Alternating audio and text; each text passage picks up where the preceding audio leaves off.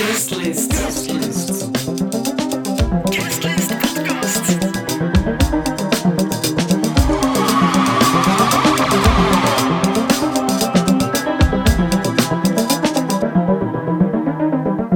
Hey hallo, ik ben Rick en welkom bij Guestlist. Guestlist, dat is de podcast van Ancien Belgique, waarin we aan de hand van de programmatie hier in de AB kijken naar wat er leeft in de muziekwereld. En deze aflevering zetten we onze spots op de stevige, eh, punky en soms zelfs geëngageerde dancemuziek.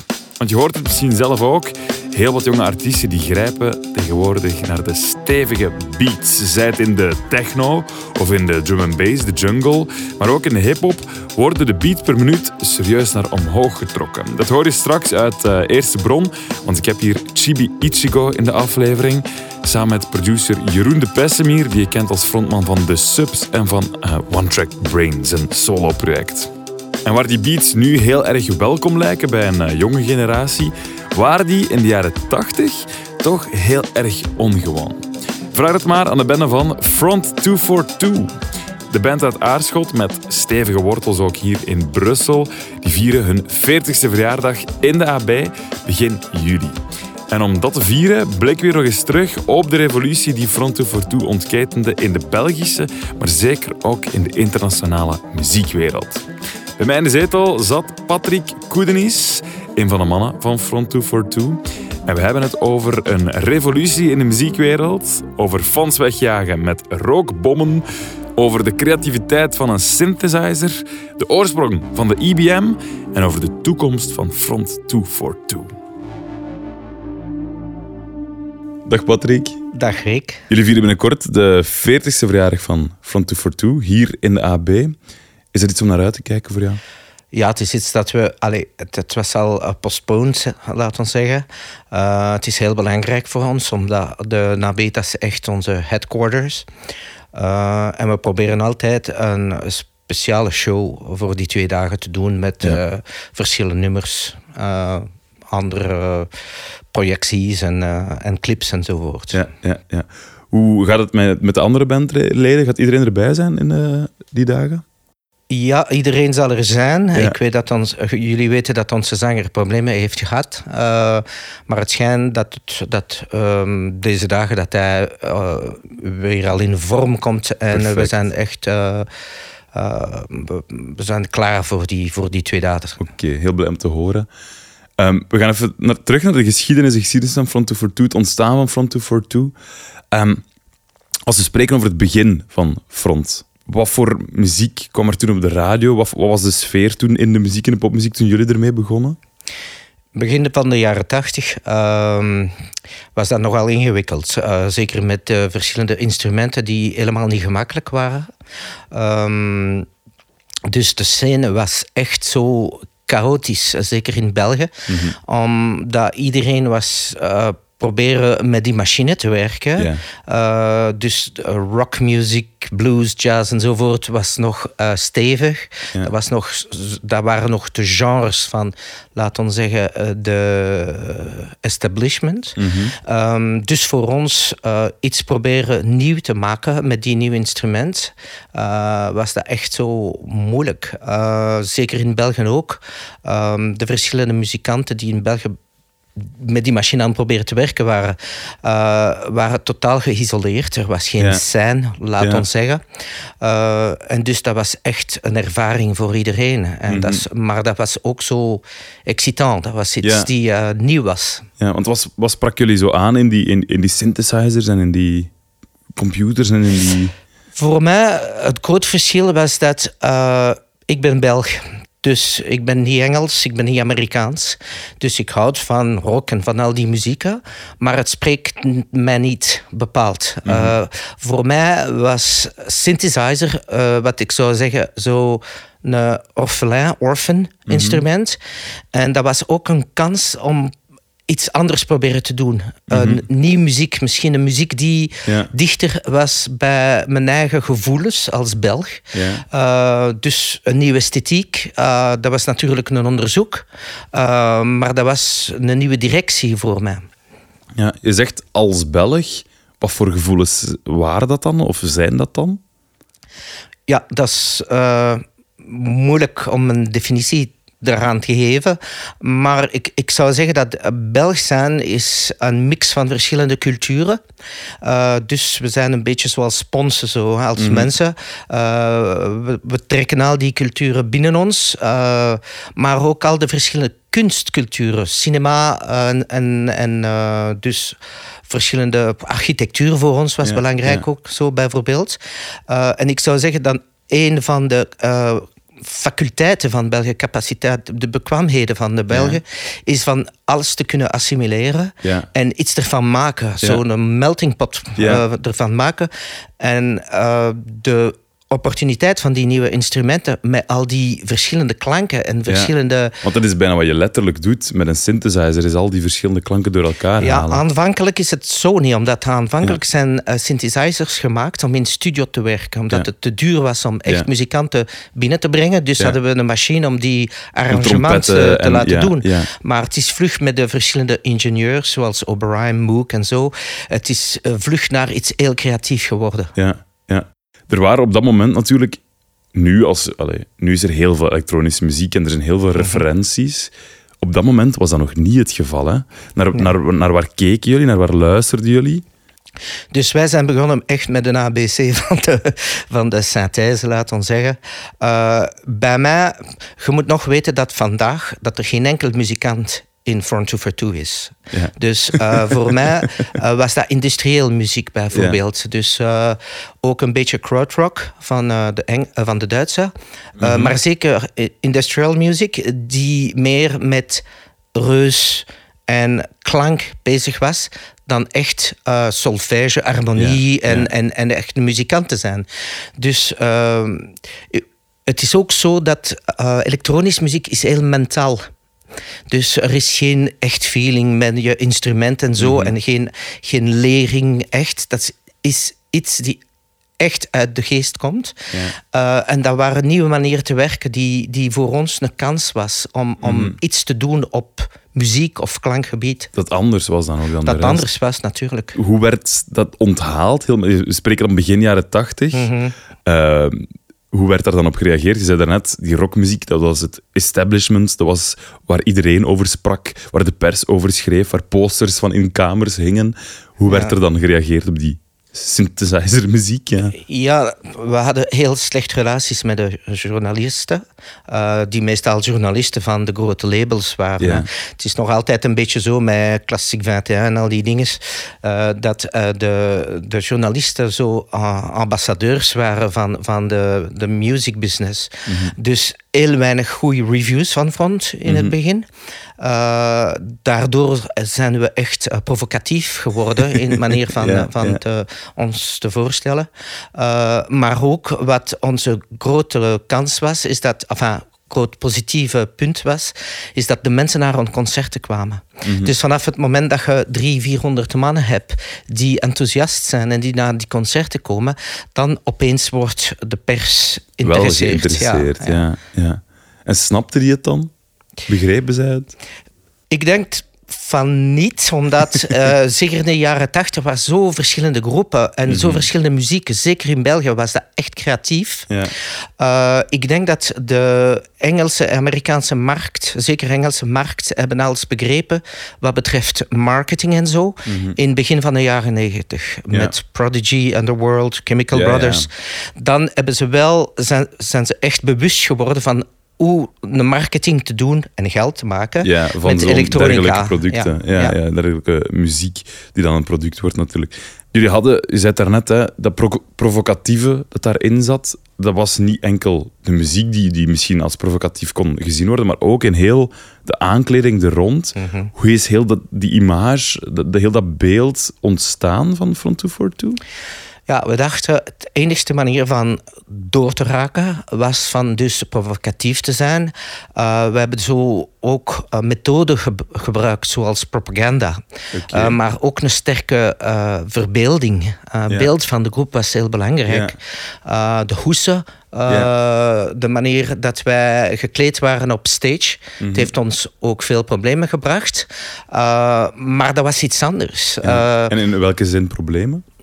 Dus we- dus jullie allemaal weten dat we op sommige momenten dat we eh, fascistisch geno- genoemd zijn geweest door onze armbands, die in feite Amerikaanse en People's armbands waren. Maar uh, allee, het is ook zo dat rock ze zeggen altijd rebels en rock is zo revolutionair, maar in feite is rock heel conservatief Mhm. Ja. eh, tot, tot, tot sommige punt. Mhm. Eh, en dat wij daarin kwamen met een andere muziek, met toch publiek, Ja. maar geen, dat wij geen zo moneymaker waren, eh, dat het meer zoiets speciaal was, verveelde het veel mensen van de pers, van de, van de business enzovoort. Mhm. Want zat er dan ook een politieke laag meteen in wat jullie deden? Eh, ja, we hebben altijd zo een politieke gedacht gehad. Maar het was altijd belangrijk bij ons van eh, wat politiek betreft, of zelfs geweld, of zelfs eh, emergency feeling, fysisch. muziek te doen met elektronica, dus iets fysisch te brengen, dat, dat moest altijd zo een, ehm, subtiel zijn, zo gezegd. Hè. Dus meer zo binnen de muziek zijn of binnen het beeld. Nooit echt politieke statement. Ja. Eh, je kunt wel op sommige nummers heb je bijvoorbeeld van Gaddafi, Welcome to Paradise over de evangelisten Mhm, en zo. Maar dat was altijd zo met sampling en binnen de muziek Ja. eh, gesuggereerd. Ik weet Ja. niet of dat woord bestaat in het Nederlands, maar het suggestion. Ja, ja gesuggereerd. Ja. Ja. Ja, Dus het was nooit eh, een politieke mening, maar er werd inderdaad wel mee gespeeld in die vorm, zowel in de muziek als in. Als in Nee, omdat we hebben alle wel een politieke eh, stand eh, in ons, de, de, de verschillende leden van de groep. Mhm. Maar eh, we hebben nooit gedacht dat het eh, absoluut door de muziek eh, op, op, op een opvallende manier moest eh, gebracht worden. Ja, ja, ja. Als je zegt van, ik vind het wel heel zot om. om ehm, ik, ik denk niet dat ik in mijn leeftijd, ik ben van de jaren negentig, Mhm. zo'n revolutie heb meegemaakt als in plots die elektronische klanken die de muziek binnen vielen.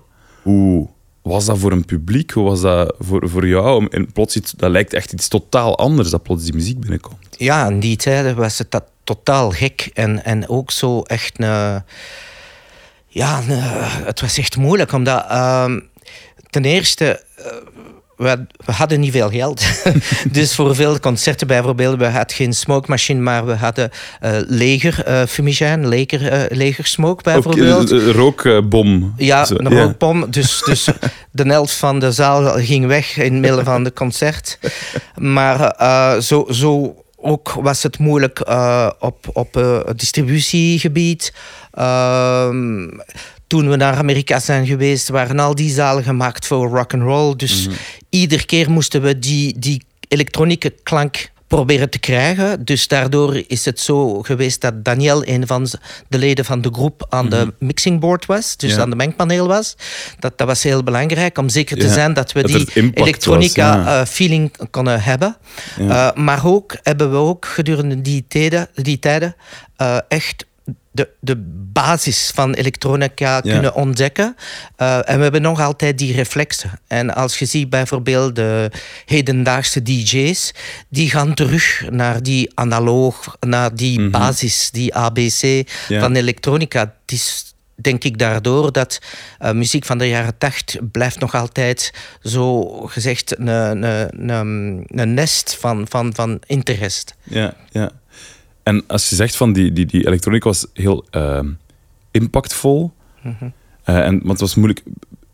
Is dat, was dan een nieuw gevoel ook dat in muziek zat? Je zei het zelf, van, ik kon mezelf niet uitdrukken in, in die gitaren. En ik, wat, wat, wat voor gevoel was het dan? Iets meer, iets meer brainiac? Iets meer...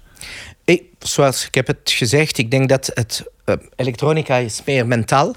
Maar, maar eh, wij, wij hebben altijd geprobeerd om dat fysisch te brengen op stage. Ja. Eh, ik denk dat het publiek echt verrast was. Dat Ja. was het verschil. Ik herinner me nog altijd die anekdote dat wij in Amerika op de, op de stage zijn gekomen en die stage manager die zei, eh, hier kun je je drums zetten.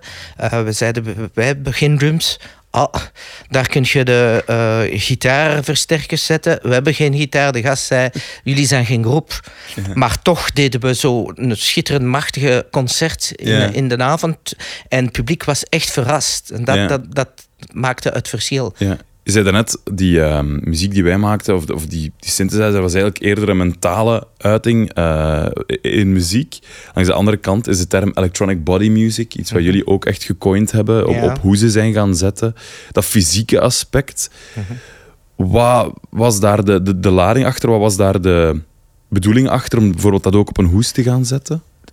Wat gebeurt er is dat de eerste kritiek van, die waren ehm, gemaakt over elektronica was dat het saai was. Ja. Dat mensen achter een, een keyboard of achter een computer is nog altijd zo een Ja, beetje. ja. En dat er niks te zien was, dat er geen eh, relaties bestond tussen de mensen en, Mhm. en, de, en het publiek. En ik denk dat in die tijden dat het een paar groepen bewuster van waren, zoals DAF bijvoorbeeld, DAF, eh, maar Front ook. En we hebben die fysisch en echt zo soms martiaal of echt zo menselijke eh, gevoel gebracht, eh, live meestal, eh, om contact te hebben met het publiek en, en te tonen dat het ook een genre kon zijn die, die, die een, een, iets te geven had. Niet alleen iemand eh, die in een studio was, die ah, iets zo steriel aan te Ja, maken ja. was. Dus eh, ik denk dat dat altijd heel belangrijk bij ons is geweest. Ja. Als je zegt al live gegeven, ehm, hoe wist je dan dat het een goede show was? Hoe moest het publiek daarin meegaan, op reageren? Het, het hangt af. Dus als, als we een slechte PA hadden, eh, was dat zo. We zeiden dat we zoiets industrieel deden als Ja. muziek. Als we een goede PA had, dat, dan werd dat een beetje de achtig Ja, Eh, Maar in alle gevallen, ik denk dat de verbeelding van die klanken dat wij hebben, Mhm. omdat het een van de voordelen, denk ik, van Front 242 is dat we geen competitie bijna hebben. We lijken niet op een Engelse groep. Mhm. Ah, Ik denk dat dikwijls eh, Belgische groepen misgaan, omdat ze doen iets die al bestaat. Ja. Op de Engelse of Amerikaanse markt. Eh, en dus het feit dat het iets nieuw, anders. eh, het was ook een tijd wat het, waar, wat het mogelijk was. Er was geen saturatie van de markten. Eh, dat, het, dat heeft het ons veel geholpen. Met bijvoorbeeld de vrije radio's ook in Ja. de jaren tachtig. Want jullie opereerden vanuit Brussel. Hoe belangrijk was Brussel daarin, in, in het hele Front 242 verhaal? Ons studio was in Aarschot. Hè, dus Ja, dat juist, ja, ja. maar, is waar, maar- maar de Brussel, gemeenschappelijke maar ik zou delen- zeggen, het, het is, Brussel is altijd een cosmopolite stad geweest. Mhm, En het is nog altijd zo. Eh, en de, de te vermengen eh, van de verschillende culturen, de feit dat je naar een cinema kon gaan, een film zien in de original version bijvoorbeeld, eh, dat we dikwijls in België al die tv's hadden. Je kon evenwel met de kabel samples pakken van de Duitse tv, van de Engelse tv, van de Franse tv. Dus Brussel is- altijd zo ja, we zijn allemaal een beetje zinnetjes, laat ons zeggen. Eh, de feit dat mijn vader eh, een Vlaming was en mijn moeder Franstalig is. Mijn geest is zo als Latijns als eh, Germaans. Ja. Maar voor mij heeft dat alle die factoren hebben geholpen om zo een gemengde muziek te doen Ja. en ook iets universeel te brengen. Ik denk dat het daardoor is dat wij in Amerika bijvoorbeeld dat nogal succes hebben, redelijk hè, op Ja. ons niveau, maar dat de mensen wel kunnen begrijpen die imago's en al die verschillende samples die ons Ja. muziek komen, die werken op hun subconscious, Ja. laten we zeggen. En, en het geeft zo een soort soort amalgam, een soort Mhm. mix van elementen eh, die niets te doen hebben met een bepaalde cultuur. Ja. Geen Frans cultuur, geen Nee. Engelse cultuur, geen iets... Omdat tot, tot een sommige punt cultuur is ook zo... Het, het blokkeert je. Het heeft zijn eigen eh, limieten. Ja, ja. Ehm, je zit daarnet even van, van een Amerikaans eh, publiek en een Amerikaans verhaal. Jullie hebben ook uitstappen naar Amerika. Jullie hebben daar waarschijnlijk nog, een, nog wel echt een, een fan, Ja, ja. eh, een grote fangroep zitten. Op een gegeven moment, bij, in, in de geschiedenis van Front 242, staat dat te gebeuren, dat Amerikaans verhaal. En je leest dan in veel artikels of in de geschiedenisboeken van de muziek van ja, en het is nooit echt gebeurd. Ze zijn nooit de status, ze hebben nooit ehm, de plek bereikt die ze misschien hadden kunnen bereiken. Hoe kijk jij terug op heel dat Amerikaans verhaal? Eh, ah, ik heb echt geen problemen daarmee. Ik denk dat op sommige mo- momenten waren we getekend door Sony, die een echt grote label is. Ja, ja. En dat was echt eh, een, een fout. Eh, omdat ik denk dat Front 242 is zo gezegd een alternatieve groep. Underground. Eh, het is ons bloed. We zijn altijd zo geweest. Ehm, dus ik weet dat Sony heeft eh, verschillende mensen naar ons studio gestuurd om dit of dat te veranderen. We hebben dat nooit aangevaard. Ja. We hebben ons eigen spul gedaan, altijd. En voor mij wat het belangrijkste is altijd geweest van integriteit te hebben. En dat hebben we gehouden. Maar het heeft ons gekost ook. Omdat als je een beetje van je integriteit ver- verliest, kun je gemakkelijk commercieel worden. Maar dat was een duidelijke nee van jullie.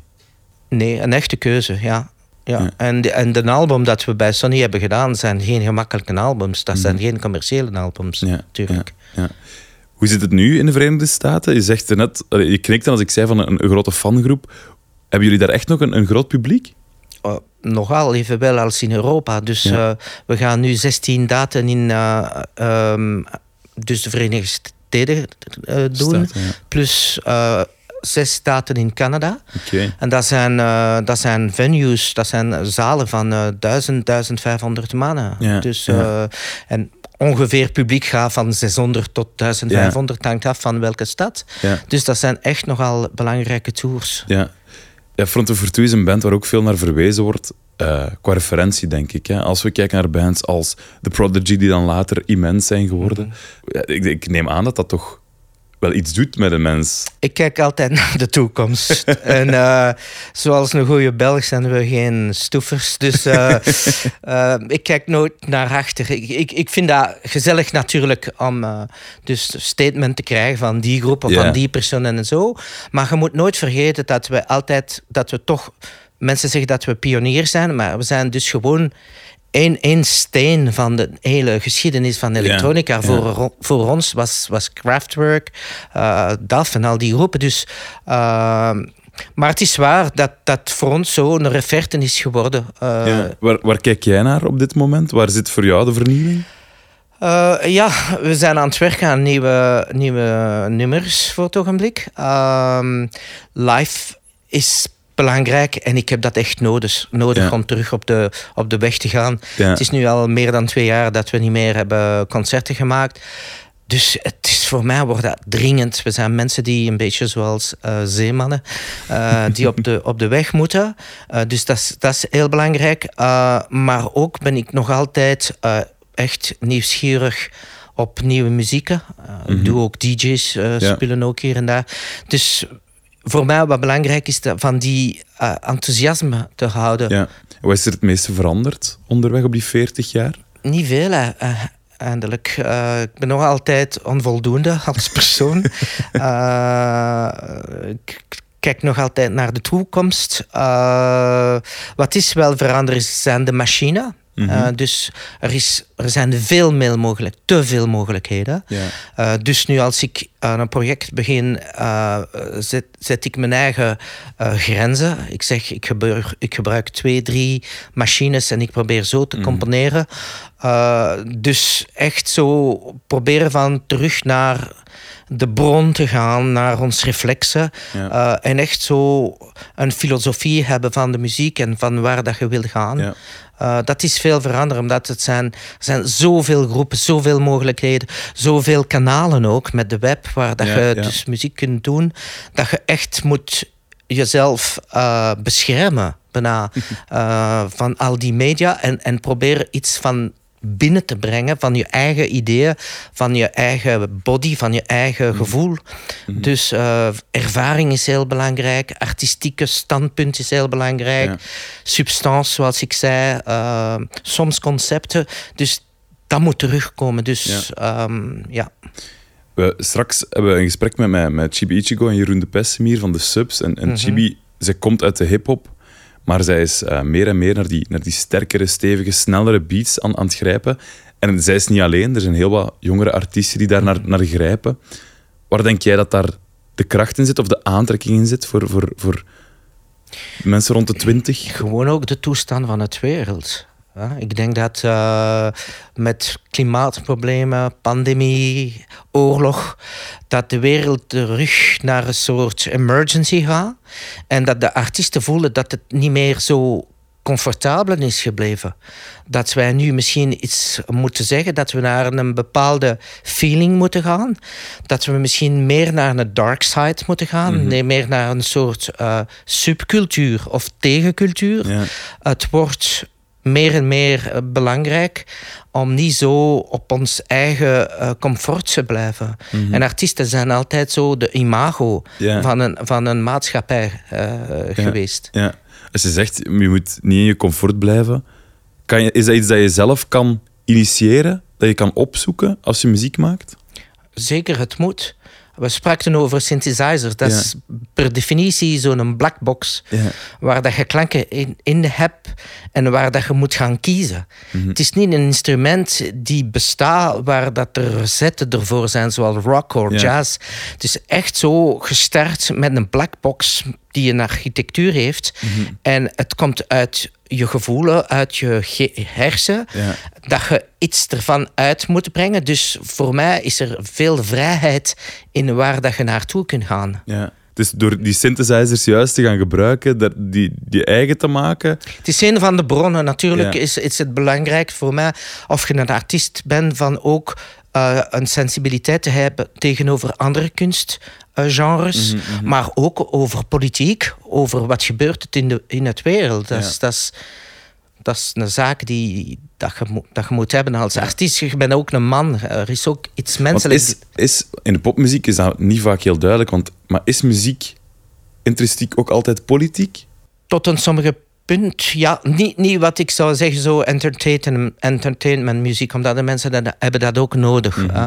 Eh, maar ik denk zeker muziek, niet liedjes, niet zangers en zo, niet, niet mensen die, die zo uh, ja, chanson doen. Uh, ik denk dat uh, muziek en zo werken met iets die meer subjectief is, dat het leidt tot, tot, tot iets die echt een politieke boodschap heeft, of tenminste iets van bewust te worden. Mm -hmm, ja.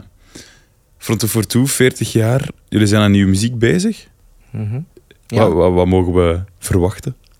Er zijn al drie van die nummers die live gespeeld okay. zijn. Dus uh, omdat wij, we hebben um, ja, opgemerkt dat de oude manier van muziek te doen niet meer uh, actueel is. Dus naar een label te gaan, proberen naar een studio te gaan en dan, dan een, een, een plaat uitbrengen, na, op de weg gaan. Voor mij is dat de formule niet meer. De nieuwe mm -hmm. platform voor mij is live geworden. Ja, ja. Dus van je eigen uh, nummers eerst live te spelen. Met de lichten, met de scenografie, met uh, het publiek die reageert, mm -hmm. met de fysisch gevoel van, van de klank. Ja. Dat dat echt de platform is geworden ja. van creativiteit.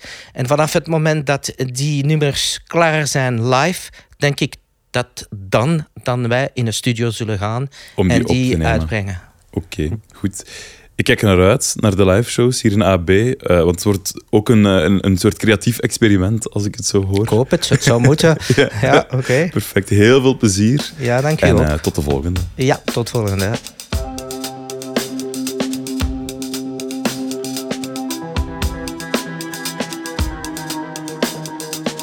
Die elektronische muziek die was dus ooit heel erg revolutionair. Dat hoorde je daarnet nog van Patrick van Front 242. Maar intussen ja, is het eigenlijk zoeken naar een band die geen synthesizer meer gebruikt.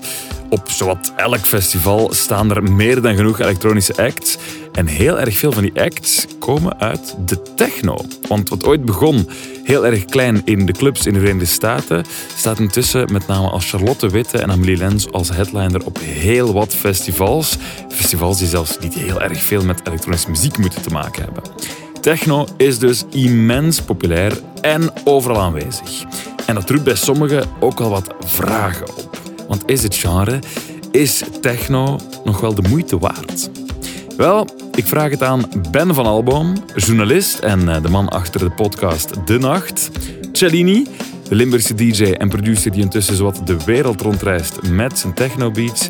En aan Sarah Ziri, resident in de Brusselse club Fuse en producer van heel wat eigen materiaal. Hallo met Cellini. Hallo met Ben. Hallo met Sarah. Ik belde hen op met de vraag: is die techno anno 2022 overrated of underrated?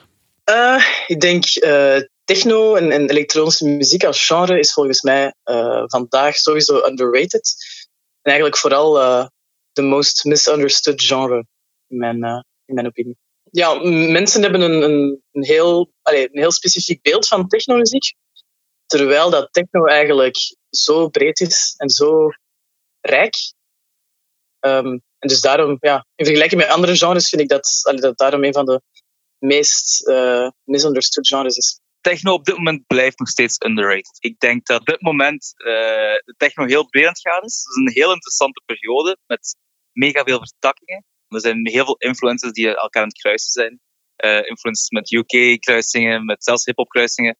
Uh, de ene tak die echt richting mainstage aan het gaan is en commercieel aan het gaan is. Maar er, gaat nog, er gaat nog mega veel gebeuren. Dus op dit moment super underrated voor mij nog altijd ik heb vooral van, vandaag bij de huidige techno scene zo het, die, die, die, die rave feel weer van, van, van, van begin jaren 90. Ik bedoel, en dan, zo, dan is techno zo, zo heel even een ding geworden van, van underground clubs en, en, en we stonden allemaal op elkaar gepakt in de fuse. Um, maar, maar gewoon de, de huidige de huidige sound geeft mij zo, zo eigenlijk zo weer die, die, die warehouse rave feel van, van begin jaren 90, waarin heel veel dingen konden. Um, en, en dus eigenlijk vind ik het, ik vind het, um, enfin, ik, zal, ik, zal, het zeker niet overrated noemen, underrated is nu misschien ook overdreven, maar ik vind het op zich wel, wel fijn om, om, om terug zoveel mensen um, op, op techno te zien losgaan. Ja, er is sowieso wel een bepaalde uh, sound die, die heel groot is geworden, uh, zogenaamde business techno. Uh, waarschijnlijk omdat dat het meest, ja, meest straightforward interpretatie van technomuziek is. En dat mensen ja, graag op een, een, simpele, zo simpel mogelijke beat willen dansen. Ik, dat is echt wel een onderwerp op dit moment. Die, de, de, de hype rond techno of, of wat er mee aan het gebeuren is. Um, en ik heb die gesprekken nog mega vaak eigenlijk met, met andere DJ's of promoters of mensen die gewoon keert houden van feesten. Um, maar ik, ja, ik kijk er echt niet zo negatief naar die evolutie vind ik, vind ik eigenlijk heel nice. En dat is hetzelfde met, met hip-hop trouwens.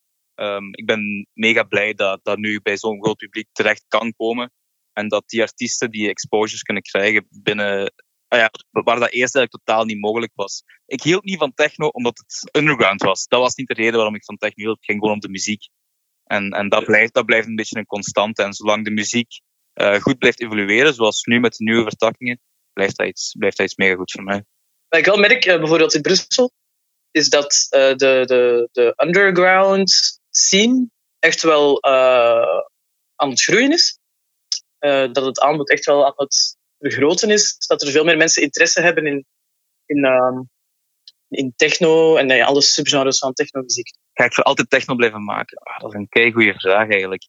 Um, ik denk dat, dat als ik techno zo breed kan blijven interpreteren, dat dat wel gaat.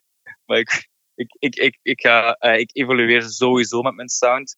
En, um, en, en of het echt in eerste instantie techno is waar mensen aan denken, misschien niet. Um, maar ja, het, zal altijd techno-influenced blijven. Er is een, een deel in, in, in mijn setstructuren, um, in het arrangement van mijn tracks. Daar zal toch altijd die, ja, die background van techno in blijven zitten. Dat, dat gaat nooit meer uit techno blijft evolueren. En, dat zie je al sinds begin jaren 80, want wij hebben het eigenlijk pas ontdekt in de jaren 90, maar dat, dat genre is intussen al zo gigantisch oud en is nooit weggegaan. Soms zie je dat dus echt op die achtergrond verschuiven, maar het gaat nooit weg.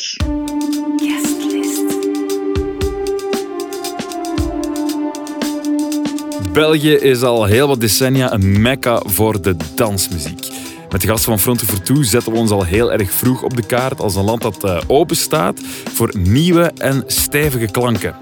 En ook al ligt de IBM en de New Beat uh, toch al een pakje achter ons, de sounds zijn opnieuw en uh, ook vaker en vaker terug te horen.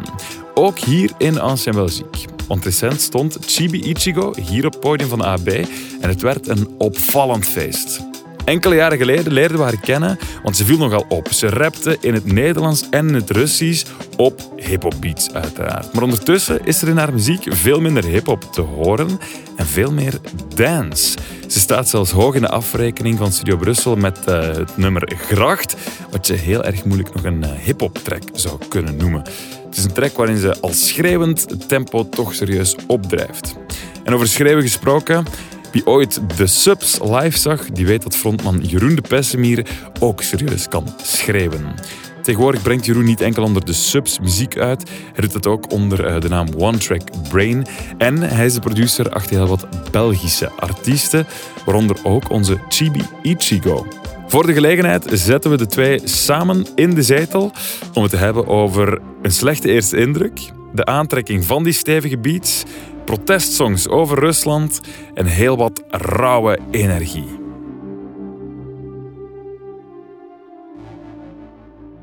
Dag Chibi Ichigo en dag Jeroen de Pessemier. Hallo. Hallo, maar zo synchroon. akkoord. Ja, ik vond, dat, ik vond dat heel erg mooi. Ja, we zijn al vrij synchroon van in de studio te zitten. Hè? Altijd op de beat, Chibi.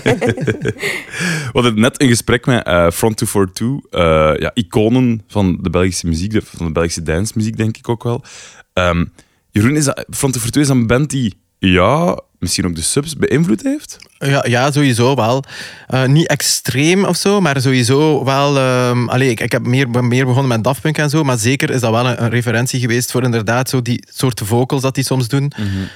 Allee, fuck dat shit is wel een beetje EBM-vibe en zo. Ja. Zo'n soort van simpele clear matches. Het is natuurlijk ganz anders, want die komen uit ja, die 80s-vibe en, en zo. Ja, uit gans die historische omwenteling en zo. Mm -hmm. Naar die krautrock en zo. Maar wel sowieso heel belangrijk, denk ik, van elektronica met vocals. Ja. En zo ook niet te veel zingen, maar meer zo simpele one-liners, roepie, shouty, punky. En ja, Chibi zit zeker ook in die uh, vibe eigenlijk wel. Maar misschien weet ze dat niet zo. Maar ze is daar wel... Want af en toe is dat wel funny in de studio. Ja, soms, ja maar dat is wel... Eigenlijk wat dat jij doet, is wel ergens... Soms hadden we dat een keer, hè. -hmm. Dat is eigenlijk wel... Ja, ik vind dat... Of nee, dat was nu niet over Front Over Toe, maar dat was eigenlijk over... Um, uh, Peaches. Zo, oh, ja. ik vind dat helemaal niet zo goed. Zo. en ik zeg, maar dat is wel fucking Peaches.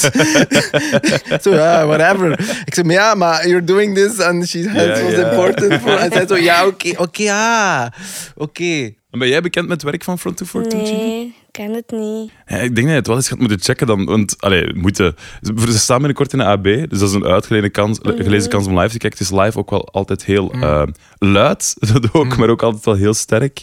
Um, ja, hoe zou je dat beschrijven, Jeroen? Uh, ja, stevige, stevige, bijna koude soms beats. Ja, dus trage, trage electro, traag, dark, electro. Punky, met, met punky vocals punky erover. Vocals en erover. heel repetitieve basslines. Ja. Dus eigenlijk wel, wij, allee, dat heeft wel veel te maken met, met zo sommige tracks mm -hmm. die, die we. Allee. Ja, maar ik ben heel, heel nieuw hè, in deze scene. Ja, dat, ja maar nee, dat, dat is super het nice doet ergens wel denken aan de tracks, de laatste tracks die je hebt uitgebracht zijn ook redelijk stevig. Er zitten die, die, die donkere beats, die zitten daar duidelijk ook in. Mm -hmm. uh, sommigen zouden zeggen van ja, alles komt terug, want inderdaad, de sounds van Front of Two komen terug. Maar ja, jij kende het niet. Hoe komt het dat jou dat zo aanspreekt, die klanken? Um, dat komt denk ik ja, in de lockdown hadden we superveel tijd en heeft Omi mij wat nieuwe muziek laten horen. En ik kende dat allemaal niet, heel die elektroscene. En ik weet niet, opeens voelde ik me heel erg thuis. Ik voelde me eindelijk thuis in de muziek. En ja, dat was een heel natuurlijke overgang van hip-hop ja. gaan naar meer elektronische muziek. En dan natuurlijk kwam Jeroen erbij. En dat klikte allemaal heel goed. Ja. En ik Als je voel me spreekt helemaal... over, over thuiskomen in die muziek, wat bedoel je dan? Was het dan had je het gevoel bij die hip-hop dat dat dan minder het geval was? Of? Ja, wanneer ik zo hip-hop deed, dan, dan wist ik me wel te vinden in de teksten natuurlijk, Mhm. in het rapgedeelte. Maar op muzikaal vlak voelde ik niet dat ik mij vrij kon bewegen of zo. Ah, En ik voelde me ook mentaal niet echt thuis. En ik vond het optreden ook absoluut niet leuk. Dat is een slecht En- teken dan meestal. Ja. Ja, maar ja, je hebt dat niet door, want Ja. je denkt, dit is wat ik moet doen. Ja. En dan die overgang, ja, de eerste show dat ik bijvoorbeeld Paranoia heb gedaan, Mhm. dat was, ja, dat voelde zo magisch. En ik had zo'n vuur in mij. En ja, toen is dat allemaal natuurlijk in die richting gegaan. Ja. Ja. Ja. Wel- Welke acts of welke bands heb je dan geluisterd in de lockdown die jou hebben overtuigd? Ehm, Maar en Clark was wel een belangrijke, Ja, hè? en Ja, ja, ja. Clark, eh Soulwax, The Prodigy, eh, Justice. Ja. Ja, echt die soort eh, vibes. Ja. Ja, ja, echt die electro-sounds die daar ook gewoon heel hard in zitten. Heb jij er veel dingen laten horen dan ook, Jeroen? Nee, want dat is eigenlijk, eh, kwamen zij daar zelf mee af, dat ze die richting uit willen. Ja, natuurlijk, dat is wel mijn dada. Maar Ja. zoals ik zeg, eh, ik heb al die referenties en zo. En ik, ik hoor soms wat die aan het doen zijn, maar dat doet er totaal niet toe dat dat refereert naar krautrock Mhm. of whatever. Soms komt dat dan een keer te... Maar eigenlijk is dat niet relevant, want... Mhm. Het is nu en they're, do- they're doing super spontaneous. Het heeft geen zin om daar his, allee, de historie van de... Allee, Om de muziekatlas ja, erbij te halen. voilà. en, ik eh, weet soms ja. dan wel ergens een beetje van, oké, dat soort beats. Of, en dan weet ik soms wel een keer, wauw, ik ga dat soort dingen doen. Dat gaan zij wijs vinden of zo. Omdat ik weet, of ergens uit een track als producer dan, dat ik weet, ah, zo, dan moet er nu zo'n soort symbaal of zo. Ja. Maar ja, die zei, ah, love it, ja, hard, hard, weet wel. Met, ja, en dan kunnen ze zeggen, oh ja, actually. En heel af en toe heb ik eens gedaan bij die. Peaches track. En dan heeft ze zoiets, oh, oké, huh? is dat uw referentie? Oké, ja. maar zo, ja, dat is gewoon de, die zijn gewoon jonger en they just take it from everywhere and make their own shit, hè. ja. Eigenlijk, allee, ja, dat is gewoon dat is zo'n melting pot wel, hè. Mhm, En natuurlijk die hip-hop ding. Maar ik weet ook wel, een, een cruciaal momentje was ook wel in DAF Studio. Zo in ene keer dat we zo zochten naar zo, ah, de vocal performance. Dat we zo zeiden van, ah, misschien moet je eens, eens roepen. Dat was de allereerste Eerste keer. hè. en, heb oh, en, en, jij zo, huh, ik roep al niet. Nee. What the fuck? Moet ik nu roepen? En dan begon hij dat te doen. En in ene keer zo, bang. Ja. kwam eigenlijk wel, iets, iets kwam samen. Ja, Hè? Of die en- paranoia en- track En zo. sinds toen heb ik bijna in Stop. elke track geroepen. Stop niet meer roepen. Ja. Is dat, is dat een, een, een soort van energie? Want je zegt dat met dat thuisgevoel en eindelijk kan ik me bewegen op een podium voelt het nu veel natuurlijker dan bij die hip-hop. Is dat een energie die je nu kan loslaten dan? Ehm, het is meer dat ik een soort van feestje creëer met Mhm. iedereen. En het is geen show waar ik gelijk een aapje voor iedereen aan het entertainen ben. Dus iedereen is welkom en iedereen voelt zich ja, in één grote vibe, in één grote energie. En we feesten allemaal en dat is het eigenlijk. Mhm. Iedereen is welkom en iedereen kan zichzelf zijn. En ik denk dat dat vooral het belangrijkste Ja, is. ja. Ik denk dat, dat de mensen die de subs ooit al live hebben gezien, er zit ook enorm veel energie, rauwe energie, die je loskomt op dat podium. Hoe belangrijk is die? Dat live aspect van, van wat je doet met de subs bijvoorbeeld, Jeroen? Ehm, ja, ah, om je zenuwachtig te voelen op voorhand. Want eigenlijk is het meer van, er moeten kunnen dingen fout lopen of zo. Ja. Want vaak vra- vragen mensen, ja, waar haal je de energie vandaan? Ja, dat komt uit de muziek of zo. Ja, like dat jij ook zo, wordt natuurlijk opgezweept. Maar het heeft ook wel te maken met dat je, dat je lichaam vol met drugs zit. Hè. Ik bedoel, dat is adrenaline is, Ja. is een, een pure, allez, Ja. is echt een harde drugs. Hè. Is, eh, ik bedoel, is minstens even hard als, als om het even wat lijn koken of whatever. Dat, allee, weet ik veel wat. Dat is gewoon drugs. Dat, drugs zitten in ons lichaam, dat zijn chemische bestanden. Je hebt eh, allerlei, de love als je verliefd bent, hoe, hoe voel je dan plots niet? Eh, crazy, ja, dat, zijn, dat is gewoon allemaal chemisch. Hè. Ja. Dus dat, dat is een groot aspect, dat, dat chemisch aspect daarvan. Maar wat was de vraag? Of hoe belangrijk het al live gegeven is? Ah ja, het feit, het feit dat er... Vooral, ik heb er al over nagedacht, want soms... Allee, wij spelen alleen maar de essentiële lijnen en uiteraard Ja. zitten er dingen op backing track en zo, want dat is Mhm. elektronisch, je kunt niet alles live spelen. Maar dan soms vraag ik me af, ja, maar als je dat nu speelt of niet, wat is het verschil? Maar dat is voor je eigen of zo, hè? anders kun je die energie niet vinden of zo. Ja. Het feit dat dan op tape staat en dat je zou het moeten playbacken of zo, ja. Dus die span, de spanning is er dan af of zo. Het is te gemakkelijk. Het is zo, je moet een grens vinden in dancemuziek, vind ik, tussen gemakkelijk en moeilijk. Want als het te moeilijk is, ja, dan heb je ook niet die vrijheid om te kunnen feesten met je volk en je vrij te voelen zoals je, je mensen. Maar toch zet je daar wel een beetje als, toch wel als ceremoniemeester. Oké, het is Ja. allemaal samen, maar je bent Ja, wel ja. een ceremoniemeester ergens. Hè, want ja... Jij je bent- organiseert het je organiseert feest. het wel, hè. En je bent wel een medium voor die mensen, voelt je wel. Allee, voor die mensen, ik bedoel, die zijn equal, hè. Maar er is wel, je bent wel een medium. Maar als jij, als je voor een rotte dag hebt, of zo, Ja. en het lukt niet...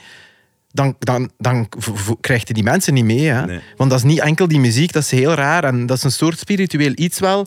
Gevoel dat die door u heen moeten of zo. Ja. En soms is dat wel... Als je veel shows doet, kan dat op een manier een draining iets zijn. Je krijgt er energie van. Maar soms is dat ook wel... Voelt je raar na een show soms? Ook wel. Of zo. Ik weet het niet. Dus het hangt ervan af. Dus als het een klein intimistische show is of zo, ga ik dat niet zo rap hebben. Maar soms, als dat een heel grote show is en al die energie is op je afgekomen, kan dat soms wel vrij. Je zit daar dan met al die energie. Ja. Maar dan, is dat, zit je daar in die backstage zo en er is niks van feestje meer. Ja. Iedereen is weg. Die zijn naar huis met die vibe en je zit daar zo... Ja, je bent nu? leeg, maar je bent op een goede manier Ja. leeg, maar ook weer op een slechte manier leeg. Ja, ik weet het niet. Je Ja. hebt, soms heb je dan de neiging om te gaan afteren of zo. Ja. Snap je? Omdat die, die energie te is. Zo. Je wilt dan echt zo Ja. kei zwaar, zelf zo zwaar feesten, maar dat is dan zo ook wel gezond, dus dat kunnen we niet doen.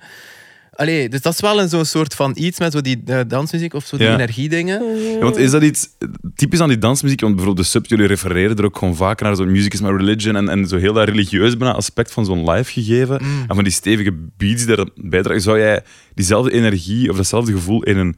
Want je hebt nog in, in andere bands gespeeld hè, die iets rustiger waren, die iets meer indie eh, met gitaren waren.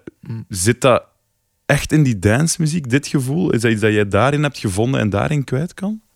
Ja, ik denk wel. eh allee, dansmuziek is wel echt eh, energiek. Hè, maar ik bedoel, hip-hop kan ook heel energiek zijn. Ja, als een concert van Zwangere Regie. Ja. Iedereen staat daar ook te pogen. En het is niet. Het is, min, het is meer op die beat of zo en die teksten dat die dan zo hard gaan, omdat die dat idee zo cool vinden of zo. En ook al die beats zijn eigenlijk traag en toch staan die daar te dingen waar dat ik normaal zoiets heb van wow, maar hier gaan we al zwaar eh, 150 bpm moeten gaan om ze nu nog mee te krijgen. En dan ja, is dat daar zo en dan gaan die, en, maar toch begin je daar te pogen. Dat is zo wel... Ja, dus ik weet niet of dat dansmuziek is, hoor. Maar hip-hop heeft wel veel gemeen met dansmuziek, vind ik wel. Omdat wel... Hip-hop is vaak wel zo eh, riff-based of zo. Allee, en dan ga je heel tijd zo en ze zijn maar aan het rappen. Dus dat is heel hypnotisch eigenlijk. Dat is niet gelijk indie en, en waar dat de akkoord changes zo belangrijk zijn. Ja, en van ja. C naar D naar E. En waar dat je je verhaal vertelt met je harmonie. Vertel, vertelt je, vertel je in dance de, het verhaal met je energie en je structuren. Structuren zijn heel belangrijk omdat je lichaam mee moet zijn en zo. Maar eigenlijk, hip-hop doet dat ook, maar met andere soorten beat, andere BPM's. En, en een andere soort onderdeel, on- verdeling Ja, ja, ja. eh, van de maat eigenlijk.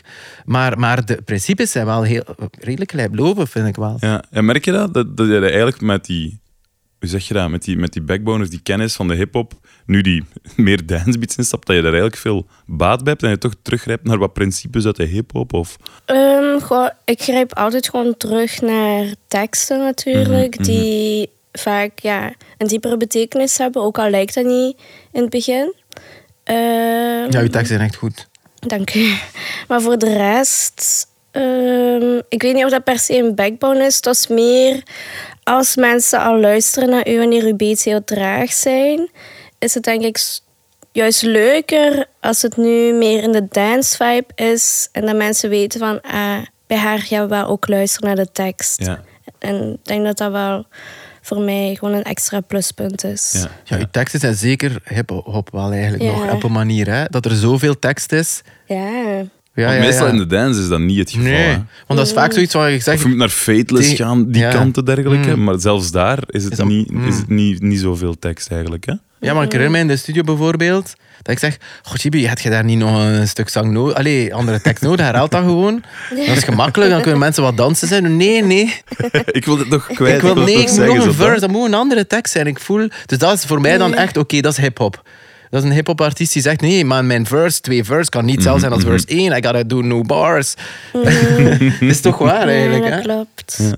Hoe, hoe werkt dat samen in de studio, Chibi? Want allee, bijvoorbeeld, we hebben Jeroen nu al heel begeesterd over muziek horen praten. Dat is iets wat, je- wat jij graag doet en met veel plezier doet. Hoe, hoe werkt dat in de studio? Hoe, hoe loopt dat? Hoe helpt zit Jeroen jou in, in, in producties en in, in, in muziek maken? Eh, goh. Soms komen Omi en ik af met al een beat en de tekst er al op. En dan is het eigenlijk vanuit daar zien wat gaan we ermee doen. Maar soms beginnen we ook gewoon vanaf nul. En dan is het meer gewoon zeggen welke vibe willen we. Ehm, maar ja, dat is niet echt een proces wat je kunt uitleggen. Omdat dat altijd zo verschilt van elke sessie. Allee. Maar er is een duidelijke ding. Ja, in de studio is op dat moment, het is voor Chibi dat we werken, dus Chibi is Queen Bee. dat zeggen ik aan Oemi soms wel lachen wij een keer zo. Wondering what Queen Bee will say about this beat. Snap je zo? Dus natuurlijk, wij doen meer de muziek, zij doet de zang. Dus het is een heel Ja. duidelijk werkpatroon of zo. Dus dat, dat, ik heb ook wel studios, studio sessions can go van. wrong Ja. easily. En wij met drie, moet ik wel zeggen, studio's met drie sessies is al veel. Ja. Voor een studiosessie, dat is al veel cooks in the kitchen. En toch werkt dat. Omdat iedereen wel zijn plaats heeft en elkaar respecteert ook. Want ze zijn vrij over respect, Oemi en, en um, Tibi. En iedereen zijn, zijn, zijn space. En als iemand zich niet goed voelt die dag, kan daar wel over gepraat worden. Misschien iets minder sessie, maar de volgende keer zal het wel goed zijn. Of, eh, we hebben al gehad, goh, dat moest er even uit. We konden niet verder, waarom omdat we even emotioneel ergens vastzaten. Ja. Maar we konden dan ook geen muziek meer maken. Dat was echt bizar. Dat was gewoon, dus er is een emotionele connectie. En Ja. vandaar die con- emotionele connectie werken we en is dat vertrouwender. En als dat Ja. vertrouwen even weg was tussen ons, ja, was die muziek ook shit. Ja. Ja, dat ging gewoon niet. Dat Oké. ging gewoon niet. Nee. Dus- Ja, want jij staat ook, allee, ik weet niet of ik het spiritueel mag noemen, hè, maar wel redelijk spiritueel in het leven, hè, Chibi? Mhm. Ja, ik, allee, spiritueel heeft zo, soms een heel negatieve connotatie. Ja. Maar ja, ik ben wel heel spiritueel, maar ik zie dat meer als gewoon men- mentaal werken aan jezelf. Mhm. Ja, vind ik wel heel belangrijk. En ook de mensen waarmee ik samenwerk, vind ik... Allee, ik ga niet met iemand samenwerken puur omdat het professioneel klikt. Voor mij moet die persoon ook klikken met qua, qua values, waarden, respect, Mhm. levensstijl.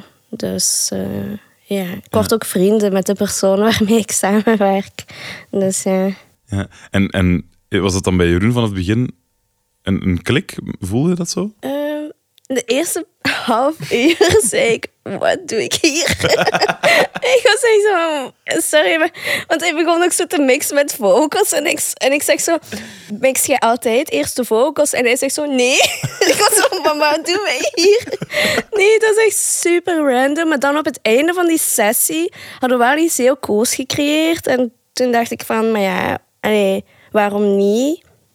En toen is dat gewoon gegroeid. Dus ja, maar ik ben ook een heel introvert persoon. Hè. Dus het is niet dat ik zo meteen met iedereen zou klikken. Ja, ja. Dus ik weet dat van mezelf. Het is inderdaad, dan is het belangrijk om, om elkaar te respecteren en die grenzen een beetje te zoeken en daarover te praten ook, denk ja, ik. ja, ja. Want ja, als er iets scheelt, dan moet dat er wel uit. Want je kunt dat niet gewoon een plak erop leggen. Want je gaat dat nog altijd blijven voelen. Mhm. Dan ontploft de bom. En Maar dat is dan misschien goed om dan te schrijven op een bepaalde track of zo. Eh, ja, maar ook gewoon tegen elkaar. Als het even echt niet gaat. Ja, maar je weet gewoon dat je dat niet... Allee, vanuit een slecht, slechte bedoeling... Allee, dat is... Ja, moest ik iets slecht bedoelen, dan zou ik in de eerste plaats niet met die persoon in de kamer zitten. Ja, ja, ja. Als we het hebben over, over we hadden net over Front to 42, en dat, dat wordt altijd heel Belgisch gezien, wat dat zij gedaan hebben. Ik denk, de subs ergens ook wel. Jullie hebben ook vaak met Franstaligen samengewerkt. Een van de, de tracks die het nog steeds enorm goed doen is Pop of Dope. Een, een Franstalige samenwerking. Ehm, voelde dat als een logisch iets? Ja, dat voelde super logisch, ja.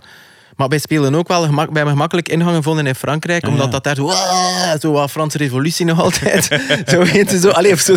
Dat is echt zo. "Ah". En in de UK, want ik heb drie jaar in Londen gewoond, ja, dat is een andere mentaliteit, totaal. Dat is veel meer in, allee, intellectualistisch, veel nadenken, introverter ergens. Allee, op, een, op een andere manier, op een beleefde manier of zo. Allee, zo dat, ehm, Ja. Wij hebben, allee, jij bent misschien wel introvert, maar je bent wel heel je zegt wel wat u, op je hart ligt, zo, snap je? En Brit bijvoorbeeld, over het algemeen genomen, hebt van allerlei soorten. Eh, natuurlijk, ik wil niet veralgemenen, maar de algemene cultuur is wel natuurlijk, ja, de, wat dat ze noemen de stiff upper lip. Er is Ja. daar wel een soort cultuur die iets, ja, snap je, meer Ja. denken, na, denken, thinking before you talk. En wij Ja, zo. Belgen zeggen, flappen er wel gemakkelijker. Allee, een flap uit wordt hier wel gemakkelijker aanvaard of zo. Of er zijn er meer. Of eh, geapprecieerd ook. En daar is het in Londen ook bijvoorbeeld daar moeilijk om vrienden te maken ergens. Omdat iedereen, ja, het is, iedereen zit meer op zichzelf. En Ja, hier, ja, ja, dat begrijp ik. ja, als mensen zo niet zo iets heel persoonlijk... Mensen zeggen heel snel heel persoonlijke dingen. Ja. Die gaan gelijk jij ook, ah, ik slaap soms slecht, boem. En je zegt zo iets eigenlijk heel persoonlijk, terwijl Ja. dat we elkaar, ja, misschien... Ja, we appreciëren elkaar, maar we hebben elkaar misschien tien keer gezien. En een Belg doet dat of zo. Maar klopt. forget it, in UK wordt dat... Als, als ik, word, heb ik dat vaak gezien, dat dat zo'n beetje awkward... Die zijn dan, worden heel awkward als je iets ja. zegt van... Oh my god, that's too much information, weet je wel? En zo... Ja, wat is dat, bij jou, Chibi, je hebt Russische roots. Eh, Merk je dat ook, dat, dat, in, in dat je andere, andere vormen hebt meegekregen van, van bijvoorbeeld die beleefdheid of die, die eerste indrukken? Of die... Ehm, goh, ja, ik ben Tataars. Dat is eigenlijk nog een andere, ja, zo'n autonome regio in Rusland, Tatarstan. Eh, en daar zijn de waarden dan nog anders Ja. dan, in, eh, allee, dan de Russen. Als je veralgemeent, eh ja, gewoon respect naar oudere mensen toe. Super belangrijk. Maar ook familie is super belangrijk. Samen eten, samen koken. Ehm, dat is wel heel belangrijk. Eh, maar voor de rest, ja, allee, ik ben hier opgegroeid. Ja. Mm, dus ik denk dat ik veel meer Belgische waarde Ja, heb ja. dan, dan Tataarse of Russische of zo.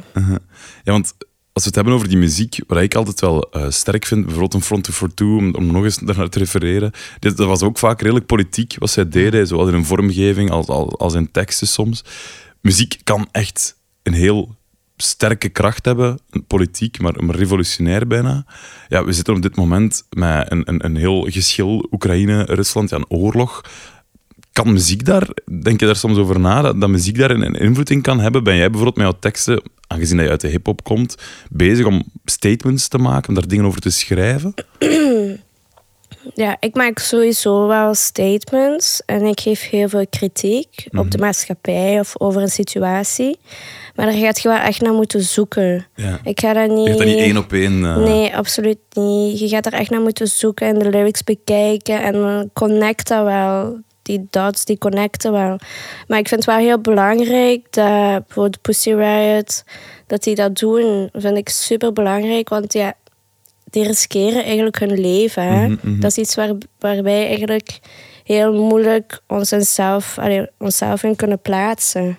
Dus ik vind dat heel belangrijk dat er kritiek wordt gegeven. Mm, maar ja, ik zelf ga niet nu opeens zo een tekst beginnen maken over Poetin of zo. Want ja, dat gaat ten eerste heel raar overkomen. En ten tweede weet ik, in de positie waar ik nu in zit, denk ik niet dat ik zoveel ga kunnen veranderen. Maar ik ga wel altijd kritiek blijven geven. Maar ja, daar gaat je naar moeten zoeken. Ja, ja. Ja. Het gaat niet gebeuren dat jij nu een, eh, een, een revolutionair album zal maken waar al die teksten zo in gaan zitten rond de thema.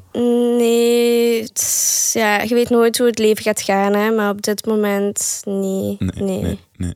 Hoe zie jij dat, Jeroen? Kan muziek daar een... een, een... Ja, dat is altijd zo'n... eh, de ergens wel een moeilijke of zo, want je wilt... Allee, ik voel mij niet... Ik voel mij vaak niet... ehm, allee, natuurlijk, het beïnvloedt ons allemaal politiek. Dus eigenlijk is dat natuurlijk fout om te zeggen van... eh, ja, dat, dat, dat, ik ken daar niet genoeg van. Maar ik heb wel vaak het gevoel dat ik daar zo niet goed genoeg van ken of zo, om daar dan ook over commentaar te geven, snap je? Omdat ik al Hans mijn leven... Ja, mijn Hans mijn leven heb ik gewijd. Oké, beslist, muziek is mijn ding. En dan, die conflicten zijn soms zo ingewikkeld natuurlijk. En er zijn altijd twee kanten. Uiteraard, hè, in het Poetin-Oekraïne-verhaal is dat vrij duidelijk. Maar er is zo... Er is, allee, je moet je daar zo in, in verdiepen, want er, is Ja. zo, er zijn altijd twee kanten op elk, elk conflict. En er zijn altijd... Snap je, de, je hebt dan Amerika die ook die niet kosher is, maar die is dan wel onze kant. En also, als ik daar dan over begin na te denken, wordt dat allemaal zo'n kluwen. En plots denk je zo, wat, wat kan ik zeggen? Ik, weet- ik weet het niet meer, want ik begin dan te twijfelen van, dat is er ook nog en dat. En, en ik denk te veel na in mijn persoonlijk nemen, leven proberen correct te zijn en zo. Maar dan op, op wereldniveau, maar al die dingen, je wilt zo niet...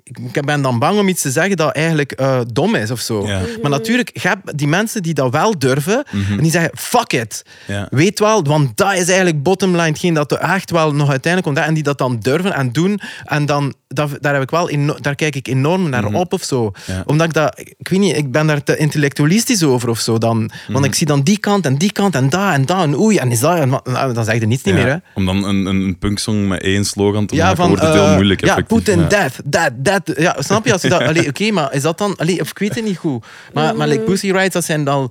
Ja, mensen Die hebben zijn al van- zo lang bezig ook al, snap je? Het is niet dat die op een hype springen. En daar kan ik dus ook niet tegen wanneer mensen zoiets maken. Ja. Puur omdat het de hype is. Ja. Ja, dat, zou komt zo, kunnen over, maar ja, die pikt je er meteen uit. Hè? Ja, Nee. ja. Ja. Ja, het moet uit eh, jezelf komen. Ik denk zowel bij jou, Jeroen, als bij, bij jou, Chibi. Chibi, wat zit er nog aan te komen? Wat, wat zijn de plannen voor de komende maanden? Ehm, ja, festivalseizoen. Eh, en daarna mm, droppen we nog een single. En daarna komt het album uit. Dus richting november of zo, oktober, november komt het album uit. Hoe hard kijk je daar naar uit? Ik kijk, er, allee, ik kijk er vooral naar uit naar de shows die komen na het album. Ja. Want dan dat iedereen... Allee, nu zingen mensen al drie liedjes mee in de live show. Want de rest is allemaal van het album. Ja, Ehm, dus ik kijk er vooral naar uit dat iedereen gewoon kan meezingen en iedereen de vibe snapt. En Mhm. het gaat gewoon heel leuk worden. Ja. Jeroen, bij jullie de subs deze zomer, en of, of jij, maar zelfs, want ja, One Track Brain, eh je maakt zelf ook gewoon producties die richting de techno eh, gaan. Hoe ziet jouw zomer eruit? Ja, ook we hebben met een, eh, wat festivals doen in België. En ook ja, als DJ, One Track Brain. En ehm, ja, ook blijven veel muziek maken met allerlei leuke mensen. ja, de hele tijd ja, muziek maken en muziek, spelen. muziek maken, bezig Ja, ook ja, niet alleen spelen, ook ja, maar ik vind het heel leuk om. Allee, ik heb lang ook de subs dan gedaan, zo dat ene project gepusht en gepusht. En, maar dan werd ik wel een beetje ongelukkig van, omdat eh, ja, zo één keurslijf, dat is moeilijk, vind ik. Maar dat is wel goed voor een periode in je leven. En nu heb ik dat echt nodig. Als ik twee, drie dagen de subs doe, moet ik gewoon ja, iets anders doen. En dan, oké, dan Ja. komt Chibi naar de studio. Ja. Of dan plots eh, is een, een score of zo dat ik schrijf. Of, eh, Ja. of komt er iets totaal anders, mega poppy zelfs. Ja, Of, of ja. iets mega weird voor de Fashion Academy of zo. Dat Ja. dat dan zo heel... eh, wat met mijn klarinet zelfs dingen doe en ik ja, veel allemaal. Dus dat vind ik wel heerlijk om zo die diversiteit in muziek eh, te hebben. Hebben jullie al samen eens op het podium gestaan? Eh, de Subs was aan het optreden en die had, eh, jullie waren het liedje We Can, I Wanna Dance Again doen. Eh, Ah ja, en toen ben ik op podium gegaan. maar nooit echt in een muzikale context. Nee, nee, nee. Is dat iets dat, dat wel zou kunnen? Ja, dat Maar ja, dat gaat sowieso ooit wel gebeuren. Hè? Ja, Ja, we hebben al een keer gesproken. hè. Misschien we eens een trackje samen doen. Dus dat Ja. Ja. Ja, voilà. Iets om naar uit te kijken, alleszins. Mhm. Dikke merci om langs te komen. Graag gedaan. En heel veel plezier deze zomer. Dank. Jij ook? Zo, dat was hem. Aflevering 14 van Guestlist. Eh, vergeet ons niet te volgen in jouw eh, podcast-app. En je kan ook sterren achterlaten als je het leuk vindt. Dat kan tegenwoordig trouwens ook gewoon in eh, Spotify, maar nog steeds ook in Apple Podcasts. Maar voor ik jou hier laat gaan, voor het hier echt gedaan is, geef ik graag nog een muzikale tip mee. Dan weet je meteen ook wat luisteren na deze aflevering, wanneer het grote, gapende zwarte gat daar is. De tip in deze aflevering die krijg je uiteraard weer van een AB-medewerker, van niemand minder dan Carolien van Hunbeek. Dag Carolien. Dag Rick. Carolien, eh, je werkt in de Ancien Belgique. Wat, wat, doe jij, wat doe jij precies in de AB? Ik, ehm, ik werk in eh, het eh, TC Matic team en ik hou me bezig met het promoten van concerten. Oké. Dus ik probeer eh, ehm, het juiste publiek te zoeken voor de concerten, zodat we zoveel mogelijk tickets kunnen verkopen. Oké, en het juiste publiek, dat is niet altijd even gemakkelijk? Dat is niet altijd even gemakkelijk. Ehm, ja, we weten meestal wel ja, wie dat de fans zijn van een bepaalde band bijvoorbeeld. Maar het is toch altijd anders. We, moeten toch de juiste manieren vinden om die te bereiken ook. Hè. Dus Mhm. Ehm, soms is dat vooral digitaal. Soms is dat een combinatie van zowel radio als advertenties als affiches. Dus Mhm. het is eigenlijk wel bij elke show onze aanpak een beetje aanpassen aan, aan het publiek, aan de fans. Oké, het is niet meer zo eh, evident als vroeger dat je gewoon een affiche voor een metalshow in een metalcafé gaat plakken. Ja, voilà. Nee, dat, die, die tijden zijn voorbij. Ja, ja, ja. Dus het is ook veel eh, online hoogstwaarschijnlijk. eh Veel online, veel eh, digitale marketing, eh, dat er nu ook wel bij ja, ja. komt kijken. Eh, maar affiches even goed nog hoor. Er zijn toch nog Mhm. altijd heel veel muziekfans die, die zich eh, laten informeren door in de brasseur naar het toilet te gaan en dan op Ja. wc een affiche van AB te zien hangen en dan te denken van ah tja, ik wist niet dat eh, Kim Gordon naar AB kwam. Ja. Voilà, dus dat blijft wel een belangrijke manier. Oké, perfect. Carolien, ik eh, sluit de aflevering telkens af met iemand van AB, dat ben jij dus in dit geval, eh, die muzikale tip geeft. Ben jij door, door de dagen heen veel naar muziek aan het luisteren? Ja, ik luister eigenlijk eh, constant naar muziek als ik aan het werken ben. Ehm, ik ben wel. Ik, ik ben niet de hele tijd op zoek naar nieuwe ontdekkingen, want ik kan Mhm. nogal lang bij een, ehm, een nieuwe plaat of een, een, iets dat ik ontdekt heb blijven hangen. Mhm. Ehm, dus als ik iets leuk vind, dan kan ik soms eh, maanden aan een stuk alleen daar naar luisteren. Ah ja. ja. Tot vervelend toe bijna, zeg. Voor veel toe, ja. ja. ja, zo, ehm, En welke nummer wil jij ons eh, voor de komende maanden dan eh, doen ontdekken? Ja, ik ben de laatste tijd aan, het, aan, het, luisteren naar uh, Wetlag. ik heb dat eigenlijk nog maar recent ontdekt. Ik dacht dat dat een tip was van collega Mish. Mm -hmm. dat is een Britse indie rockbandje. Um, ja, en het nummer dat ik zou willen aanbevelen is um, Chase Long. Mm -hmm. Dat is een tof nummer, dat begint met een toffe bas. Ja, toen mij heel erg denken aan zo de, de jaren negentig uh, vrouwen, gitaarbandjes. Ja. De Breeders bijvoorbeeld. Of, of zelfs zo wat meer de punky-achtige um, dingen zoals Bikini Kill en Let Tigre en zo. Uh -huh, dus ik, uh -huh. was uh, jong in de 90s. dus ik ben eigenlijk wel blij dat die sound nu zo wat terug is. Ook uh, Blue Eye bijvoorbeeld, hè, de, uh -huh, uh -huh. de winnaars van de Rock Rally, um, um, passen ook wel in die, in die vijver. Oké, okay, perfect. Dus uh, de, de female rock um, van, van Wetlag, daar gaan we de komende maanden gewoon uh, plat draaien. Allemaal dankzij jou, Caroline. Voilà. Top. Dikke merci alvast voor de tip. En uh, heel fijne zomer en tot de volgende. Hè. Salut, Erik.